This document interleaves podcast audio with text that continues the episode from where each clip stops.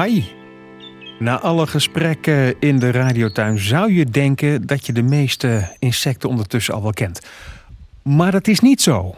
Soms komen er ook nieuwe dieren bij. Welkom in de radiotuin, dat is mijn eigen stadstuintje ergens in Zeeland. Ik ben Remco van Schellen.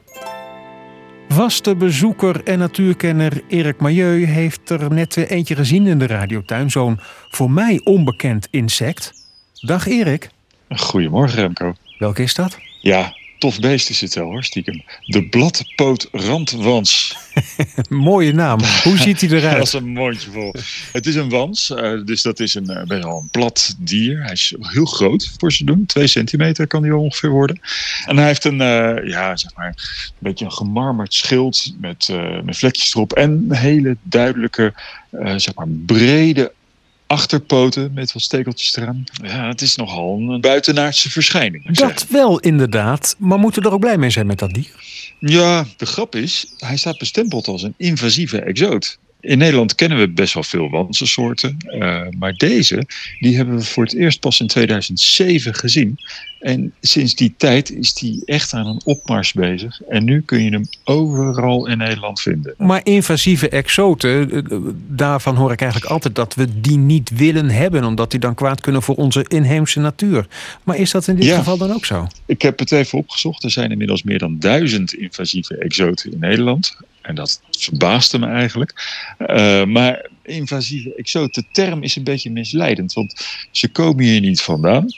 Ze doen het heel goed en ze hebben geen vijanden. Maar doen ze kwaad? Dat is ook niet per definitie altijd zo. En daar is dit er zo typisch eentje van. Ja, want wat doet hij eigenlijk? En vooral ook, waar moet ik hem dan zoeken in de radiotuin? Het is dus een wans. En wat die doen, is die uh, steken hun snuit in iets om sappen op te zuigen. En deze bladpootrandwans die gebruikt feitelijk de kegeltjes van coniferen.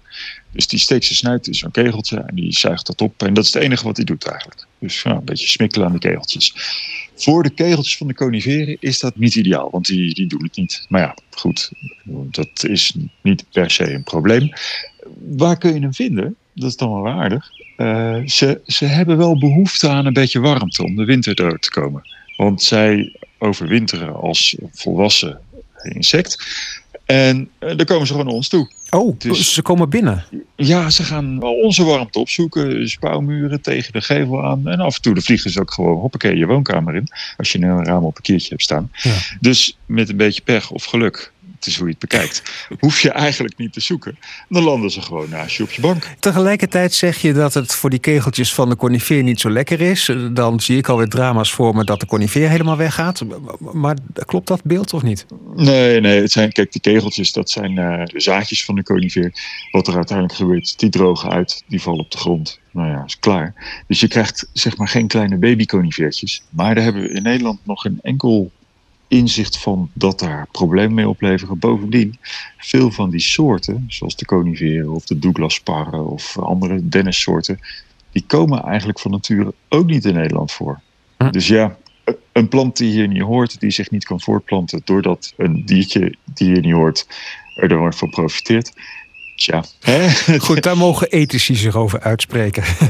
Precies. Ik precies. noteer, en ik ga hem niet meer vergeten, hoop ik, de bladpootrandwans. Helemaal goed. Een foto ga ik natuurlijk weer op radiotuin.nl zetten. Dan kun je ook even kijken of jij hem in je eigen tuin hebt, of misschien op je balkon, of misschien binnen.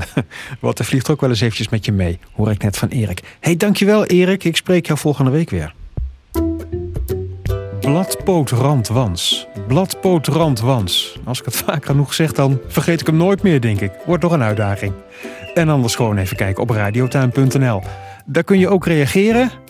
Volgende week, dan kom ik weer bij je langs in de radiotuin. Hopelijk ben jij erbij. Tot dan.